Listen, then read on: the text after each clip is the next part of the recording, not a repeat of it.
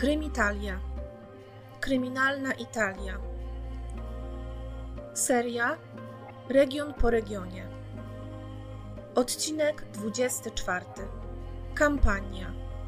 Modliszka z Kazandrino. Cześć, ciao. Przenoszę Was dziś, jak wskazuje tytuł, do kampanii jednego z regionów położonych na południu Włoch. Nie wiem, czy wiecie, ale znajduje się tu wyspa, a nawet nie jedna, tylko kilka wysp, ale największą z nich jest Ischia. Kiedyś była nazywana Wyspą Małp, dlatego że podobno mieszkały tutaj właśnie ssaki naczelne i jak wierzono, wyginęły one z powodu jednego z wybuchów wulkanu. Kampania to też ojczyzna orzechów laskowych, których uprawa została tutaj zapoczątkowana jeszcze przez Rzymian i jest najbardziej znana w prowincji bodajże Avellino, a orzechy laskowe, jak wiecie, są bazą uwielbianej przez Włochów i śmiem twierdzić nie tylko przez Włochów, ale wręcz na całym świecie Nutelli. My z kolei jesteśmy na przedmieściach Neapolu w Casandrino. Jest to, można powiedzieć, takie miasto, które jakby wchodzi chyba nawet w skład Neapolu, jest takim, nazywane jest po prostu przedmieściem Neapolu. Nie są to raczej przyjemne okolice. Można powiedzieć, że wręcz przygnębiają tym klimatem takim trochę industrialnym, szarością, fabrycznymi budynkami, no i niestety oczywiście wszechobecnymi śmieciami. I 4 kwietnia 2003 roku, przed 8 rano, zostaje tutaj znalezione zaparkowane auto. Jest to Lancia Y10. I nie byłoby może w tym nic dziwnego. No, samochód sobie może stać w takich nawet nieciekawych okolicach, ale później dojdę do tego, jak to się wszystko wydarzyło. Ale najpierw Wam powiem, od tego momentu odnalezienia właśnie tego samochodu. W każdym razie w środku, w aucie, na miejscu kierowcy siedzi, a właściwie można powiedzieć leży, ponieważ siedzenie jest mocno odchylone do tyłu, młody mężczyzna. Wygląda on tak, jakby ucinał sobie drzemkę. Jednak mm, ten widok nie jest tak do końca naturalny, dlatego że chłopak w ogóle się nie porusza nie wykonuje najmniejszych nawet ruchów, a do tego wygląda to dość dziwnie, bo jest na wpół rozebrany. Wezwana na miejsce pomoc przyjeżdża niestety tylko po to, aby stwierdzić, że człowiek ten nie żyje. Zostaje w miarę szybko zidentyfikowany jako 21-letni Salvatore Pollasto. Pracował on w wojsku, to było takie jego marzenie, żeby robić karierę wojskową, a konkretnie y, był on w takiej jednostce, która po włosku nazywa się Alpini, i są to takie wysoko wyspecjalizowane oddziały górskie armii włoskiej. Można powiedzieć, że mężczyzna chyba kontynuował takie rodzinne, mundurowe tradycje, ponieważ jego ojciec był z kolei funkcjonariuszem Straży Miejskiej. Salvatore miał też dwóch braci. W momencie odnalezienia, jak wspomniałam, jest on na wpół rozebrany. A mianowicie ma podwiniętą do góry bluzę, tak na klatkę piersiową wyżej, i opuszczone do wysokości mniej więcej kolan spodnie. Na jego nadgarstkach widnieją z kolei bardzo wyraźne czerwonawe ślady. I wygląda to tak, jakby ktoś te nadgarstki mocno, ciasno czymś obwiązał, na przykład sznurkiem, jakąś opaską zaciskową lub czymś e, tego rodzaju. Szybko okazuje się, że Salvatore zginął od dwóch ciosów ostrym narzędziem, prawdopodobnie nożem, zadanych w brzuch. Młody mężczyzna, jak szybko wynika z przesłuchań, z takiej analizy jego otoczenia, nie miał żadnych wrogów. I według osób, które go dobrze znały, które obracały się w jego towarzystwie, Nie miał też on żadnych podejrzanych znajomości. To znaczy, e, nie obracał się w tym tak zwanym szemranym towarzystwie, cokolwiek to znaczy. Pewnie chodzi o jakieś substancje odurzające, może zbyt ostre imprezy, no tego typu, wiecie o co chodzi, tego typu rzeczy. Był takim człowiekiem powszechnie lubianym, bardzo pracowitym, uczciwym, obowiązkowym. Właściwie można było o nim mówić jedynie w samych superlatywach. I oczywiście w każdym właściwie odcinku na temat takich spraw, w których no jest jakaś ofiara, na przykład morderstwa czy, czy przemocy, zazwyczaj bliscy o tej osobie mówią bardzo dobrze. Y, ale dla mnie nie jest to nic dziwnego. Już chyba wspominałam o tym w moim w ogóle pierwszym w życiu podcaście, y, w odcinku pierwszym z Abruzji, że właśnie nie jest to dla mnie nic, nic dziwnego czy zaskakującego, ponieważ chyba zawsze chcemy pamiętać swoją bliską osobę z tych dobrych stron i pamiętamy tylko to, co było pozytywne, kiedy już ona odejdzie, i staramy się raczej gdzieś tam w te zakamarki swojej pamięci odsuwać te ciężkie momenty. Tak więc dla mnie to jest absolutnie normalne, że, że właściwie większość osób, kiedy opisuje swoich e, zmarłych, a zwłaszcza zmarłych bardzo w takich tragicznych okolicznościach krewnych czy znajomych, no to jest to dla mnie normalne, że zazwyczaj jest mowa tylko o tych dobrych cechach. W każdym razie tutaj to się potwierdza. Y, i też wszyscy znajomi, wszyscy przyjaciele bardzo dobrze mówią o Salvatore, są wszyscy zszokowani jego śmiercią. Nie są w stanie uwierzyć w to, że do tego doszło. Nie wiedzą, jak to się stało i kto mógł coś tak strasznego zrobić.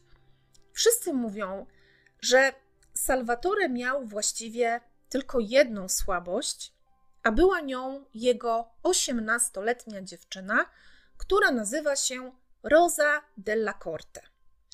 No i to właśnie z nią policja rozmawia w pierwszej kolejności. Ponieważ po pierwsze wydaje się, że to właśnie z nią Salvatore spędził swój ostatni dzień życia. Wiadomo też, że parę łączyła ogromna namiętność. W ich związku nie brakowało pasji, ale też i zazdrości i zaborczości, o czym powiem za chwilę. Poza tym wiadomo, że policja zawsze interesuje się przede wszystkim y, najbliższymi osobami ofiary, w tym przypadku partnerką.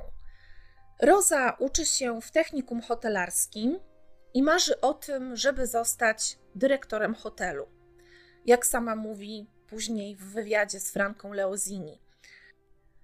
Chociaż też wszyscy, którzy znali Rozę, mówią, że ona marzyła o tym, żeby zostać modelką, ponieważ była bardzo atrakcyjną i piękną dziewczyną, ale ona sama tego nie potwierdza. W wywiadzie mówi, że jej marzeniem było właśnie zostanie menedżerem jakiegoś dużego hotelu. Dziewczyna jest pierworodną córką swoich rodziców, ma jeszcze czworo rodzeństwa, a przyszła na świat, kiedy jej mama i tata byli jeszcze bardzo, bardzo młodymi ludźmi. I sama Roza twierdzi, że jej relacje z rodzicami są bardzo dobre, że są właściwie dla siebie najlepszymi przyjaciółmi. Jednak, jak to zwykle bywa, jeśli by pokopać nieco głębiej, to bardzo szybko okazałoby się, że tak różowo wcale między nimi nie ma. Matka często ma do swojej córki pretensje, na przykład o to, że nie jest zbyt aktywna w domu, że wręcz jest leniwa, że w ogóle nie pomaga. Ogólnie Roza ma taką raczej buntowniczą naturę.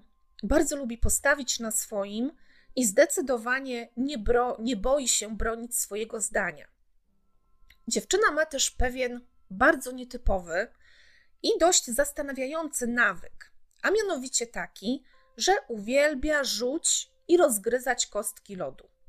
Wiecie, to jest coś takiego u niej jak nauk. Nie pali y, nałogowo, nie wiem, nie przyjmuje jakiejś tam substancji, ale namiętnie, można powiedzieć, właśnie nałogowo rozgryza lód. E, Roza twierdzi, że to jest dla niej jak antydepresant, że bardzo ją ta czynność uspokaja, no i że ona po prostu lubi to robić. Ja szczerze mówiąc, chyba pierwszy o czymś takim słyszę.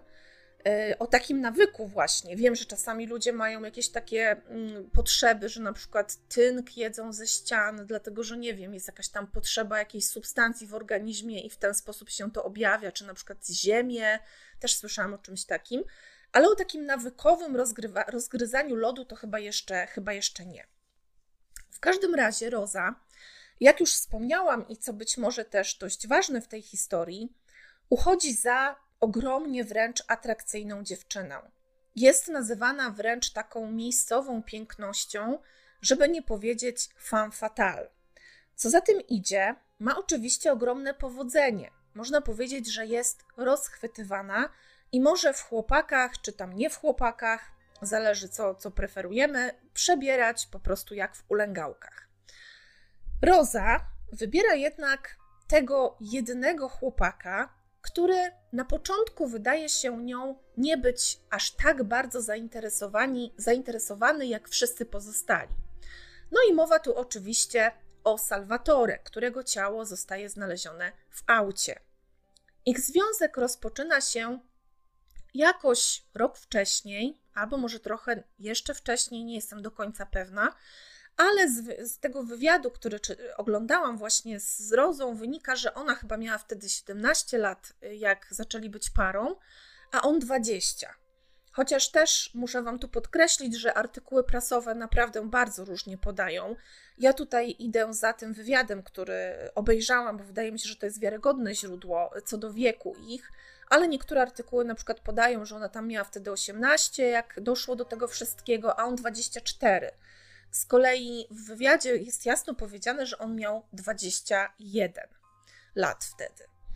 E, w każdym razie, e, tak jak powiedziałam, e, Rozę przyciąga do Salvatore to, że tak kolokwialnie mówiąc, akurat on za nią nie lata tak jak pozostali, a poza tym wydaje się, że poważnie myśli o przyszłości, jest spokojny, pracowity, solidny i też e, wydaje się, że ma bardzo dobrze poukładane w głowie. Salvatore bardzo szybko traci dla młodej dziewczyny głowę. Jednak niestety, jak już wspomniałam, związek, oprócz tego, że oczywiście jest pełen dobrych emocji, jak to zazwyczaj bywa, jak ludzie się w sobie zakochują, to przede wszystkim na pierwszy plan wysuwają się te, po, te pozytywne uczucia Niestety ten związek oprócz tego jest też przesycony ogromną zazdrością. A zazdrośnikiem jest Salvatore. On po prostu nie znosi, kiedy Roza na przykład tylko rozmawia z innymi chłopakami. Nie lubi, kiedy wychodzi gdzieś sama. Za każdym razem chce być z nią w stałym kontakcie. Ciągle wymaga, aby informowała go na bieżąco, dokąd wychodzi, po co wychodzi, z kim wychodzi jest wręcz przyklejony do słuchawki, o czym też opowiadają jego koledzy żołnierze. Problem jest też spotęgowany przez fakt, że, jak już wiecie, Salvatore służy w wojsku i to na drugim końcu kraju, co oczywiście raczej nie pomaga w budowaniu solidnej relacji, takiej na co dzień, zwłaszcza, że zarówno on, jak i Roza są jeszcze bardzo młodymi ludźmi. Trzeba też wyraźnie powiedzieć, że ta jego zazdrość nie była tak do końca nieuzasadniona, ponieważ Roza nie unikała flirtów z innymi mężczyznami, będąc już w związku z Salvatore, a nawet można powiedzieć, że właściwie go bardzo tak intensywnie zdradzała. Roza zresztą jakoś wybitnie nad tym wszystkim też nie rozmyślała Y, ona to tłumaczy w ten sposób, że jeśli miała ochotę z kimś wyjść, to po prostu wychodziła. Nie rozmyślała nad tym za długo. Nie przejmowała się, że ma chłopaka, że ten chłopak jest o nią chorobliwie wręcz zazdrosny, że jest po uszy w niej zakochany. No i muszę tu podkreślić, że oczywiście ani taka chorobliwa zazdrość, ani nieuczciwe zachowanie Rozy nie powinny być absolutnie czymś normalnym i dopuszczalnym w jakimkolwiek zdrowym związku. W wywiadzie przeprowadzonym przez Frankę Leozini Rosa nie umie nawet za bardzo odpowiedzieć na pytanie, czego ona właściwie szukała w tych innych relacjach z mężczyznami. Ona to przedstawia w ten sposób, że tak jej się podobało, że jak miała ochotę, to to robiła, że to było bez jakiejś głębszej refleksji. Mówi tylko, że być może szukała jakichś nowych doznań i emocji, ale nie zastanawiała się też jakoś tam głębiej nad tym, że też ci sami mężczyźni, z którymi się spotykała, z którymi sypiała, uprawiała seks, później na przykład po całym mieście rozpowiadali o niej przykre rzeczy. Tak to często y, też bywa, jeszcze do tej pory chyba, że jak mężczyzna ma powodzenie i często ma różne relacje intymne z kobietami, no to jest fajnie, bo to znaczy, że jest taki macho, ale jak kobieta robi to samo, no to jest niefajnie, już ma bardzo złą reputację i jest y, kolokwialnie mówiąc puszczalska. No tak więc y, w ten właśnie sposób też ci mężczyźni mówili o osiemnastolatce. I zapytana w wywiadzie o to, Dlaczego właściwie w takim razie nie rozstała się z Salvatore, skoro ewidentnie czegoś jej w tym związku brakowało, czegoś w nim jej brakowało? Ona odpowiada, że nie chciała go zostawiać, bo ona widziała to w ten sposób, że to, co on do niej czuł, to była prawdziwa miłość. I że według niej tak właśnie prawdziwe uczucie powinno wyglądać. Że była do niego przywiązana, ona też była w nim zakochana i dlatego korzystała z życia, ale jednocześnie była z nim w związku. Y, no i tak jak w wielu innych sprawach włoskich, tak i tutaj policja działa szybko w ten sposób, że tuż po odnalezieniu martwego Salvatore zakłada Rozie podsłuch. I nie ma tutaj w tej sprawie właściwie innych tropów, którym można by się przyjrzeć dokładniej na samym początku, a wiadomo, jak już powiedziałam, w przypadkach zabójstw tego typu pod lupę bierze się przede wszystkim partnera ofiary. Tutaj jeszcze dochodzi fakt, że Salvatore został znaleziony na wpół rozebrany. Stąd właśnie może wchodzić w grę jakiś motyw seksualny. Dlatego też między innymi decyzja o podsłuchiwaniu rozmów Rozy. No i w tych właśnie rozmowach dziewczyna niestety nie wypada najlepiej. Jawi się wręcz jako osoba bardzo agresywna, bardzo gwałtowna, porywcza, wręcz pozbawiona jakiegokolwiek kodeksu moralnego. Taka dziewczyna, można powiedzieć, która z trudem akceptuje jakiekolwiek zasady. Sama przyznaje w przesłuchaniu, bo oczywiście składa zeznania zaraz po tym wszystkim, Przyznaję, że z Salvatore bardzo często się kłócili, bo on oczywiście prędzej czy później od kogoś tam, czy z jej telefonu, dowiadywał się o tych jej potajemnych schadzkach z innymi mężczyznami, no i miał oto do niej ogromne pretensje, urządzał ciągle jakieś sceny zazdrości, ale mimo wszystko dalej para była razem. Oprócz tego, że Rosa, będąc w związku z Salvatore, spotyka się ciągle z innymi mężczyznami, no i ma ku temu dużo okazji, ponieważ Salvatore jest y, w wojsku na północy kraju, gdzieś tam chyba w, y, w, w Trentino, z tego co pamiętam. To oprócz tego, że spotyka się z wieloma mężczyznami, to w pewnym momencie nawiązuje też intymną relację z dziewczyną, którą wcześniej poznała gdzieś tam w lokalu dla osób o y, homoseksualnej orientacji. No i zaczynają się też ze sobą spotykać, randkować, utrzymują intymne relacje. Roza uważa siebie też za osobę biseksualną, no i nie ukrywa tego przed swoim chłopakiem.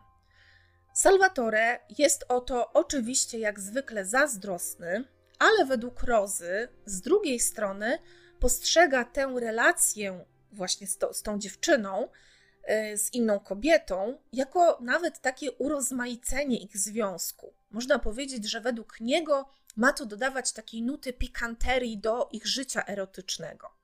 Ale mimo wszystko te wszystkie awantury, kłótnie ym, spowodowane zazdrością i nieuczciwym zachowaniem Rozy trwają nadal i sceny powtarzają się cyklicznie, regularnie.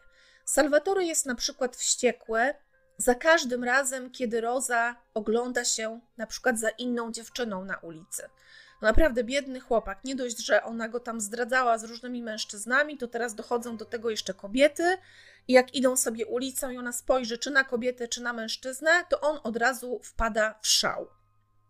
W każdym razie, no jak już możecie sobie sami troszeczkę ten obraz y, związku y, Salvatore i Rozy zbudować, no to na pewno też powiecie, że z pewnością nie należy ta relacja do najzdrowszych. Można powiedzieć, że Salvatore wręcz spala się w tej swojej namiętności do, do tej kobiety, a Roza właściwie robi to, co chce. No i według świadków, znajomych, rodziny, ta cała zazdrość i zaborczość Salvatore nawet jej schlebia. Oni mówią, że to jej się podoba, że ona jest jakby tym taka, wiecie, że czuje się, nie wiem, może atrakcyjniejsza, bardziej pożądana, przez to, że właśnie on ją tak bardzo chce kontrolować i że tak bardzo jest wściekły o te wszystkie spojrzenia, spotkania i tak dalej. Podczas gdy rodzice Rozy właściwie nie mają nic przeciwko związkowi córki, temu oficjalnemu pewnie, z Salvatore i lubią chłopaka, to z jego rodzicami jest już zupełnie inaczej. Oni od początku nie akceptują Rozy. Wiedzą też doskonale, jakie plotki krążą o dziewczynie po mieście. I na tym tle wybuchają pomiędzy nimi a Salvatore też różne kłótnie, awantury, on oczywiście zaciekle broni swojej dziewczyny, całego swojego związku i nie ma zamiaru z niego rezygnować, ani słuchać w ogóle tych rad rodziców. I mimo tego, że on sam zdaje sobie sprawę, że większość tych plotek o Rozie jest prawdą, czyli chodzi o jej bardzo bujne życie seksualne, no i o zdradę z innymi chłopakami, bo według mnie nie byłoby w tym nic E, co mogłoby podlegać jakiejkolwiek negatywnej ocenie, gdyby Roza nie była w związku. Bo jeśli jest osobą samotną, która nie ma zobowiązań wobec nikogo, wszystko odbywa się za obopólną zgodą, to naprawdę według mnie nie ma problemu. Jesteśmy dorosłymi ludźmi, każdy ma prawo robić to, co chce, jeśli oczywiście nie krzywdzi tym innych. W każdym razie tu głównie chodzi, jak mówię o tym niezdrowym związku i o tym w cudzysłowie rozwiązłym życiu Rozy, chodzi oczywiście o to, że ona to robiła nieuczciwie, to znaczy okłamywała Salvatore. On zdecydowanie na otwarty związek nie wyrażał zgody. No, ale mimo tego, że Salvatore zdaje sobie z tego wszystkiego sprawę, wie, że większość tych, tych, tych powtarzanych gdzieś tam o Rozie rzeczy jest prawdziwa, no to jednak on broni jej bardzo przed rodzicami, tłumaczy im, że to są wszystko kłamstwa, pomówienia, żeby nie wierzyli w te wszystkie kalumnie i plotki krążące po okolicy. No, niestety nie tylko rodzice są nieprzychylni Rozie. Również najbliżsi przyjaciele Salvatore nie są zachwyceni wyborem chłopaka i kiedy tylko mają okazję i kiedy tylko mogą, starają się go przekonać, że Roza nie jest dla niego odpowiednią partnerką. Jak jednak wiemy, zakochanie bywa ślepe i tak też jest w tym przypadku. Salvatore ma klapki na oczach, mimo tego, że ten związek ewidentnie nie daje mu szczęścia, że cały czas się spala, cały czas musi być zazdrosny, cały czas chce kontrolować, to też nie wyobraża sobie, żeby tę relację zakończyć. I tak w tym wszystkim oboje tkwią. 3 kwietnia 2003 roku Salvatore wraca do Casandrino na krótką przepustkę z wojska.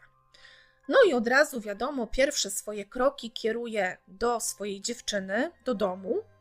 Tam spędzają razem trochę czasu, a potem idą na zakupy.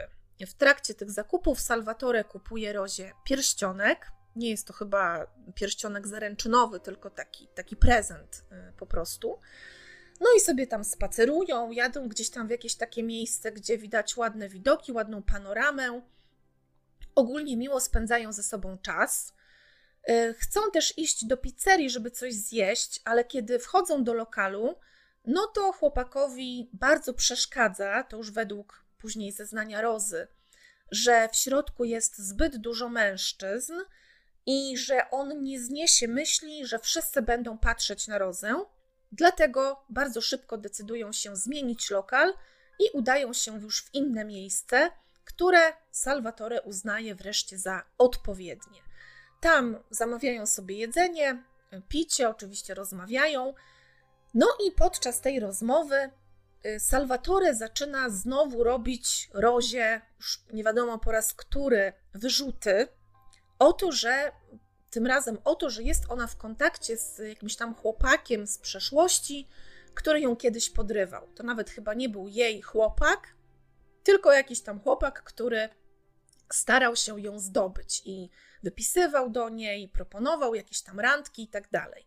No i Salvatore oczywiście nie jest w stanie zaakceptować tego, że on nadal bombarduje jego dziewczynę wiadomościami i oskarża ją o to, że z pewnością coś jest między nimi, że się spotykają, pewnie ona go z nim zdradza i tak dalej.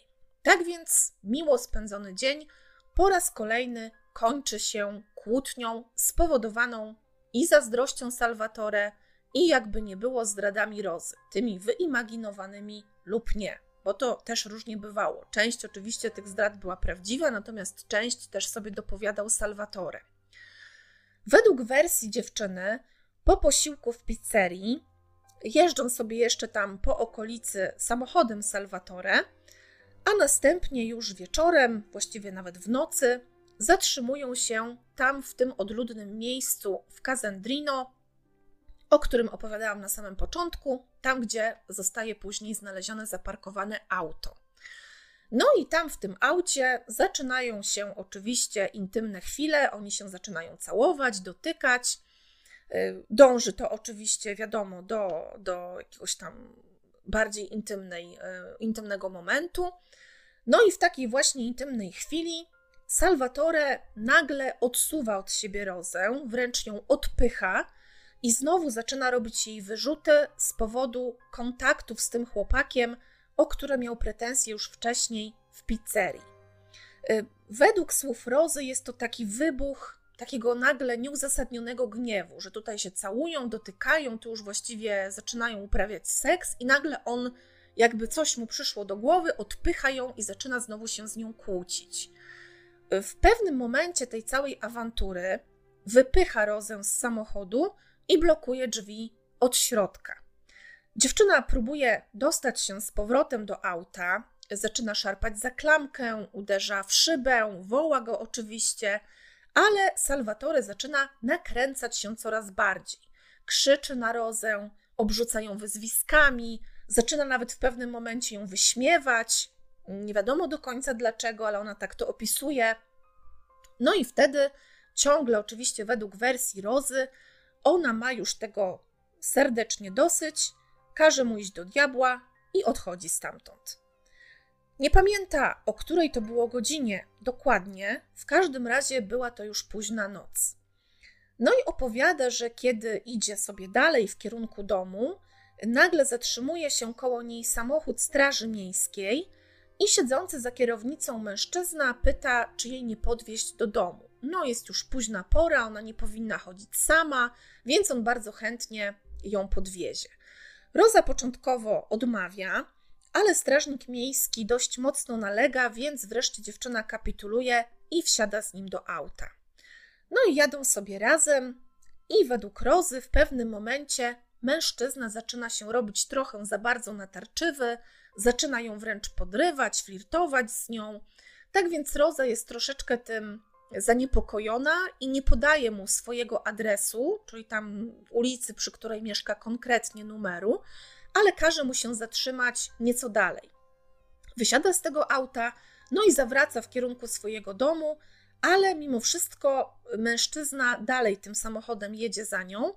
I wtedy ona już nieco przestraszona zaczyna tak bardziej głośno do niego mówić, nawet krzyczeć, żeby wreszcie zostawił ją w spokoju, żeby odjechał, ona już go nie potrzebuje, tej pomocy i tak dalej. No i tak się dzieje, ten strażnik miejski sobie odjeżdża, a ona wchodzi bezpiecznie do swojego domu około godziny 1.30 w nocy. Tam zeznaje, że jak zwykle włącza sobie telewizor, zjada kawałek swojego ulubionego lodu i pierze swoje ubrania ręcznie. Y, zeznaje też, że w pewnym momencie wychyla się z okna łazienki i tak po prostu przez to okno wyrzuca sobie jakiś tam zmięty karton, opakowanie po czymś. No tak przyszło jej do głowy, żeby przez okno śmieci wyrzucić. No i że widzi to dozorca, który pali gdzieś tam na, na zewnątrz za oknem papierosa.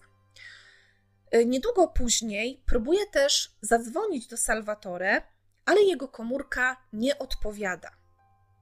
Analiza telefonu Rozy wykazuje jednak, że pierwszy telefon do chłopaka wykonała dopiero nad ranem, około piątej, a nie w środku nocy po przyjściu do domu, jak twierdziła podczas swoich zeznań. Około siódmej rano z kolei Roza dzwoni też do mamy swojego chłopaka. Mówi jej, że dzwoniła do niego, że chciałaby z nim porozmawiać, ale że on chyba ma wyłączony telefon, no i jeśli ta właśnie mama może, to żeby go obudziła, jeśli śpi, żeby mu powiedziała, żeby włączył komórkę, bo ona chce się z nim skontaktować. No ale matka Salvatore odpowiada na to, że syn jeszcze nie wrócił do domu yy, i że ona tam podzwoni po jego przyjaciołach, spróbuje się dowiedzieć, gdzie on tam zabalował, gdzie zabawił, no i że może też wyśle swojego męża, a tatę właśnie Salvatore, żeby sprawdził, co tam się może z nim dziać. Też nawet przychodzi jej do głowy taki pomysł, że być może syn po prostu usnął gdzieś tam w samochodzie na parkingu. Y, prosi też Rozę, aby opowiedziała mniej więcej, co robili poprzedniego dnia i konkretnie, gdzie się rozstali. No i dziewczyna mówi jej to wszystko, mówi mniej więcej, co tam się działo, gdzie byli, zakupy, pizza i tak dalej. Mówi też konkretnie, w którym miejscu zaparkowali samochód. No i po tym, jak kończy rozmowę y, z mamą Salvatore, to też postanawia iść na to miejsce, tam gdzie ten samochód był zaparkowany, i idą razem z mamą. Ona idzie ze swoją mamą. Kiedy docierają na ten parking, Właściwie to chyba nie był parking, tylko to było takie po prostu miejsce gdzieś tam przy jednym z budynków. E, w każdym razie, kiedy tam docierają, jest tam już policja. I Roza, jak powie w wywiadzie z Franką Leuzini, e, pierwsze co zauważa, to opartą o okno samochodu, taką bardzo bladą, wręcz żółtą już rękę Salvatore. No i ona jest tam na miejscu, tego wam nie powiedziałam na samym początku, ale teraz już wiecie, że ona tam też się pojawia właśnie jako jedna z pierwszych. I właściwie też od razu policja zaczyna ją wypytywać, kim jest, dlaczego tu przyszła, i od słowa do słowa okazuje się, że to jest jego dziewczyna. Tak więc nieco później trafia już oficjalnie na przesłuchanie na posterunek. I oprócz tego, że po pierwsze jest jego partnerką, po drugie, była ostatnią osobą, z którą spędzał czas zamordowany Salvatore, to policję zastanawia też jeszcze jeden ważny szczegół, a mianowicie taki, że zapytana o to od razu tam na posterunku, w jakiej pozycji zostawiła chłopaka w aucie, ona bez zawahania odpowiada, że miał opuszczone spodnie i podciągniętą bluzę. Czyli dokładnie tak, w takim stanie, w jakim znaleziono go martwego. Roza oczywiście twierdzi, że nie miała nic wspólnego ze śmiercią swojego chłopaka, ale jakim cudem miałaby go zostawić w identycznej pozycji, w jakiej znaleziono go martwego kilka godzin później? Czy możliwe jest, że chłopak przesiedział sobie spokojnie na przykład kilka godzin w, w tym aucie, z opuszczonymi spodniami i z podciągniętą bluzą? No chyba nie jest to do końca prawdopodobne, dlatego też i policji wydaje się to bardzo zastanawiające. Roza od razu tego poranka, tego dnia składa bardzo obszerne zeznania, opisuje właściwie całe swoje życie prywatne, nie unika też tematu swoich zdrad i chorobliwej zazdrości Salvatore zdradza właściwie najbardziej intymne szczegóły z ich życia. Zeznają również mężczyźni, z którymi Roza miała kontakty seksualne. I właściwie każdy z nich opowiada, że dziewczyna preferowała bardzo ostry, wręcz brutalny seks i że miała szczególne upodobania seksualne, które znacznie odbiegały od takich zwyczajnych, o których gdzieś tam się słyszy na co dzień. Ci mężczyźni opisują ją jak jeden mąż, wręcz jako osobę agresywną, która na przykład uwielbiała wiązać swoich kochanków. To również daje do myślenia śledczym. Przecież, jak pamiętacie, Salvatore miał na nadgarstkach ślady po wiązaniu. Roza z kolei zdecydowanie temu zaprzecza. zaprzecza, że lubiła agresywny seks i zaprzecza, że feralnego wieczora związała swojego chłopaka. Mimo wszystko, to właśnie ona staje się podejrzaną numer jeden. Również dlatego, że zaraz po odnalezieniu Salvatore i po jej przesłuchaniu, policja postanawia wejść do jej domu i między innymi zabiera z niego ubrania, które Roza miała na sobie tamtego wieczora. Ale te ubrania policja znajduje w misce z wodą. Jak już Wam wspomniałam, tak właśnie Roza zeznała, że zaraz po przyjściu do domu tamtej nocy zdjęła ubrania, włączyła sobie tam telewizor i zaczęła je prać ręcznie. No i okazuje się, że te jej ubrania, dokładnie te, które miała na sobie w noc śmierci Salvatore, zostały uprane w wybielaczu. No i Roza, oni oczywiście pytają, dlaczego wybielacz i tak dalej. To nie jest chyba jakieś takie mm, częste, że, że człowiek przychodzi sobie w nocy z jakiegoś tam wyjścia czy z imprezy i wkłada wszystkie swoje ciuchy do wybielacza. No ale oczywiście Roza tłumaczy to tak, że jej bluzka była biała czy tam jasna i że ona zawsze prała jakieś tam jasne rzeczy, nawet jasno-niebieskie czy tam jasno-zielone, właśnie w wybielaczach, po to, żeby, żeby pozostały jasne. No, jednak śledczy nie bardzo dają temu wiarę, chociaż ślady krwi nie zostaną na tych ubraniach y, ujawnione, w żaden sposób zabezpieczone. Czyli wybielacz chyba zrobił swoje, jeśli tam były, bo y, śledczym nie udaje się nic znaleźć. Policja namierza też oczywiście tamtego strażnika miejskiego, który według zeznań Rozy podwiózł ją pod dom około 1.30. No bo Roza tam właśnie zeznała, że około 1.30 weszła do domu. No i ten mężczyzna zasadniczo potwierdza jej wersję, ale nie co do godziny. Według niego podwózka miała miejsce godzinę później, około 2.30 lub 2.40. Kto więc tutaj mówi prawdę? Roza przekonuje, że była pierwsza 30, bo spojrzała na zegarek, kiedy wchodziła do domu, a ten zegarek, taki chyba ścienny, on był zawieszony gdzieś tam właśnie naprzeciwko wejścia, więc ona była pewna tej godziny, ale pojawiają się też inni świadkowie, między innymi tam jakiś kierowca, chyba dostawczaka, czy, czy, czy jeszcze ktoś, w każdym razie dwóch innych niezależnych świadków, którzy zeznają, że widzieli Rozę około trzeciej w nocy w pobliżu jej domu na ulicy. Z kolei stróż nocny, który widział wtedy, jak Roza wyrzuca jakieś tam śmieci przez okno z łazienki, też miał ją widzieć około drugiej. O co jednak chodzi z tymi godzinami? Czy te ramy czasowe są ważne? Oczywiście są, ponieważ według lekarza sądowego Salvatore został zamordowany po drugiej w nocy. Gdyby więc faktycznie Roza wróciła do domu, jak twierdzi, o 1.30, no to raczej nie mogłaby być morderczynią.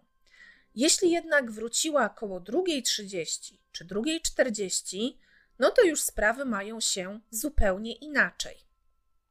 Kolejną taką okolicznością, można powiedzieć, która dość mocno obciąża Rozę, jest jej zachowanie po śmierci Salvatore. Roza po prostu żyje dalej swoim życiem. Nie zamyka się w domu, nie rozpacza, nie widać po niej absolutnie żadnej żałoby. I oczywiście wiemy wszyscy, że nie ma jednego słusznego sposobu przeżywania żałoby, ale tutaj to jest wręcz aż takie bijące po oczach, że ona wygląda jakby to wszystko spłynęło po niej jak woda po kaczce. Ona się wręcz rzuca w, znowu w ten wir różnych relacji z mężczyznami. Sypia tam z kilkoma jednocześnie, znaczy nie wiem w sensie czy grupowo, tylko po prostu o to chodzi, że ma y, kontakty z różnymi mężczyznami yy, naraz, tak? Że nie spotyka się z jednym, tylko y, z kilkoma w tym samym czasie. I tak właśnie też wynika z podsłuchu, e, który założyła jej policja. Roza nie wie o tym, że jest podsłuchiwana. Sama zresztą to przyzna podczas wywiadu z Franką Leozini, że ona wtedy nie wiedziała, że jej telefon jest na podsłuchu. Tak więc no, imprezuje, korzysta z życia ile może i uprawia bardzo dużo seksu. Kolejną obciążającą Rozę poszlaką jest fakt, że z auta Salvatore zniknęło kilka przedmiotów. które jednak nie miały jakiejś bardzo dużej wartości. Był to tam m.in. jego telefon, portfel, coś tam jeszcze z tego schowka zabrane i kluczyki do auta.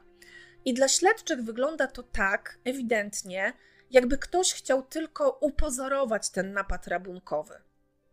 I oni oczywiście szukają tych przedmiotów, gdzie mogą, przede wszystkim w domu Rozy, ale jednak żadna z tych rzeczy nie zostaje odnaleziona. Podobnie jak zresztą też narzędzie zbrodni.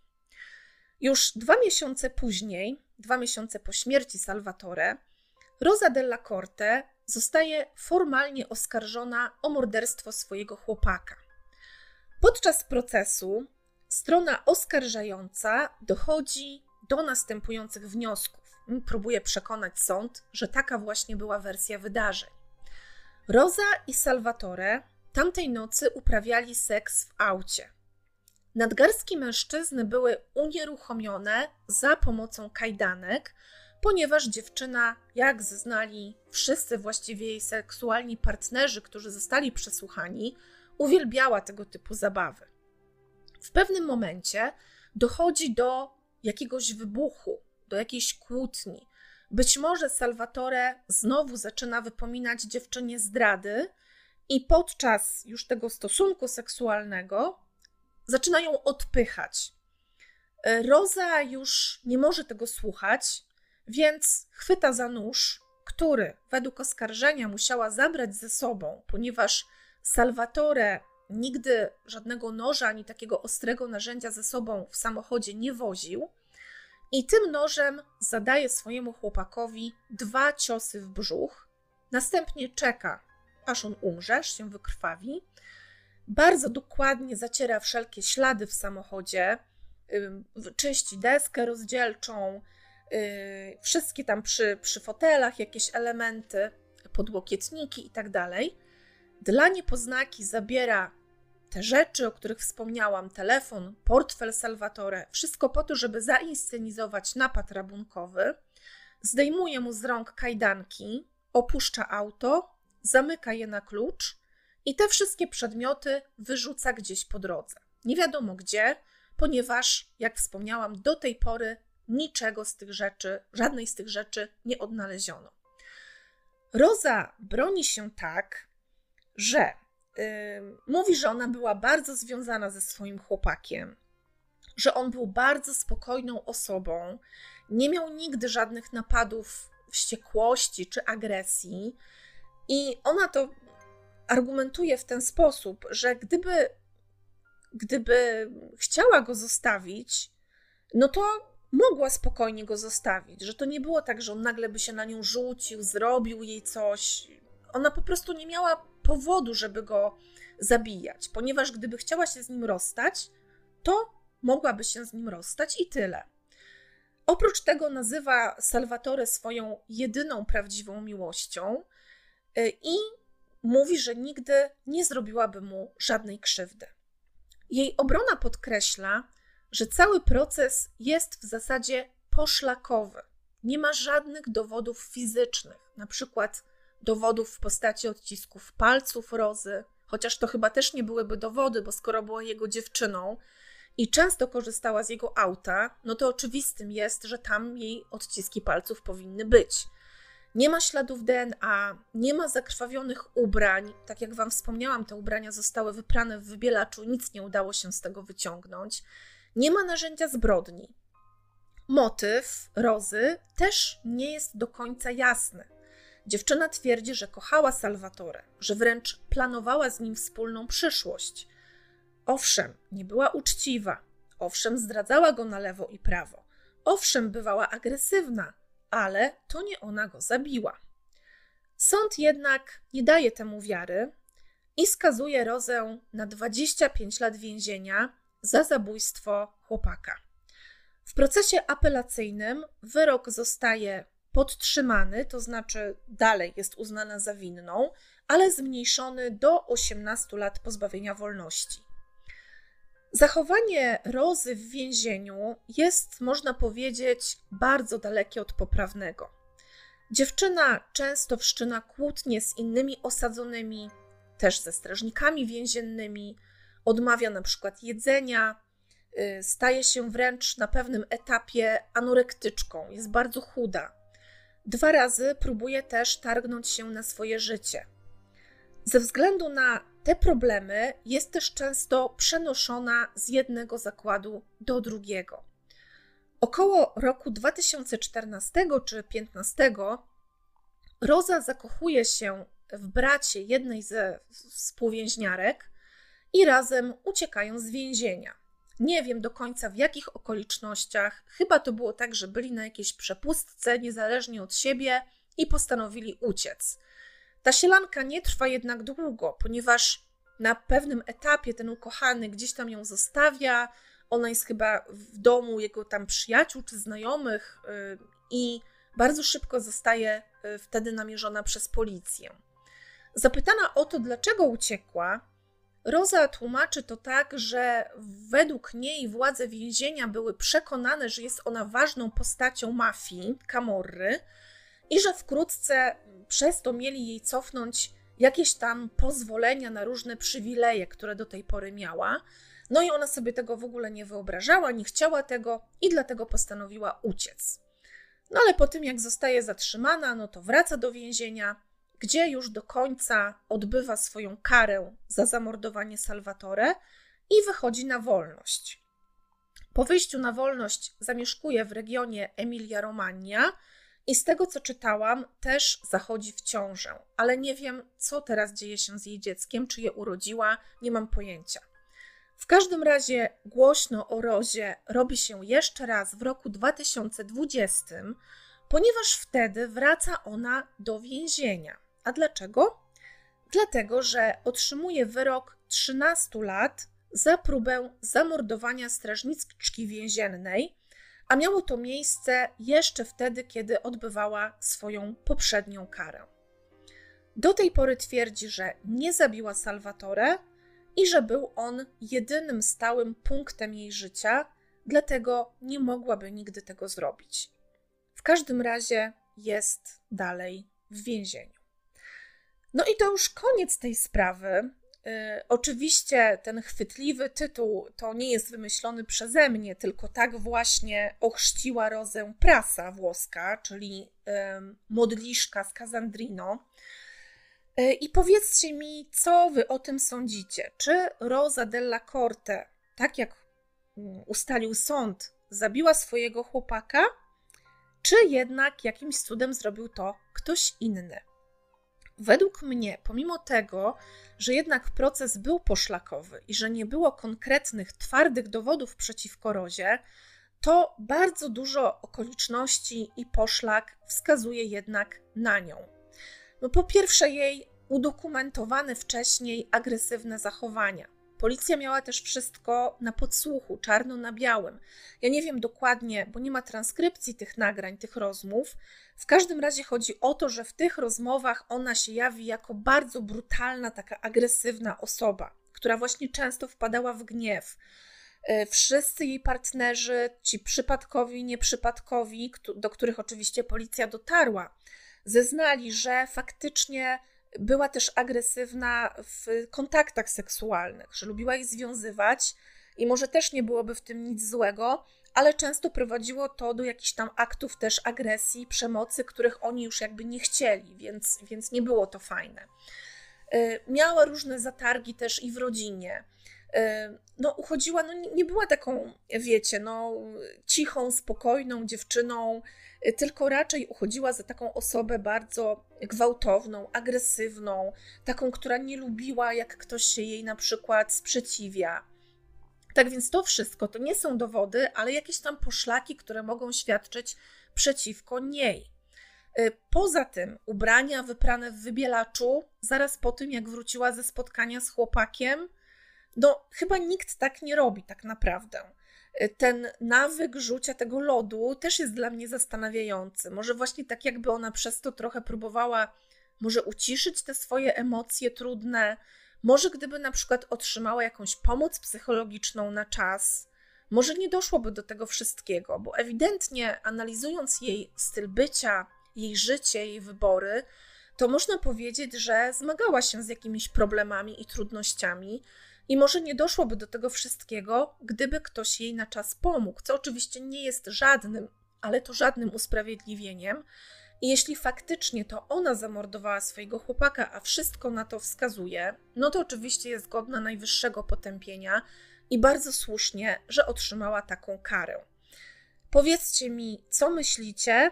Czy skłaniacie się ku wersji, że Roza to faktycznie modliszka, czy jednak może była tylko przypadkową ofiarą okoliczności, a Salvatore faktycznie zginął na przykład w, w napadzie rabunkowym. E, dziękuję Wam bardzo za wysłuchanie kolejnego odcinka i mam nadzieję, że usłyszymy się za tydzień. Chociaż, tak jak Wam wspomniałam, chyba dwa tygodnie temu planuję zrobić sobie krótki urlop od podcastów, ale na pewno Wam dam znać kilka dni wcześniej, żebyście byli przygotowani na czwartek bez krymitali. Trzymajcie się, do usłyszenia, ciao!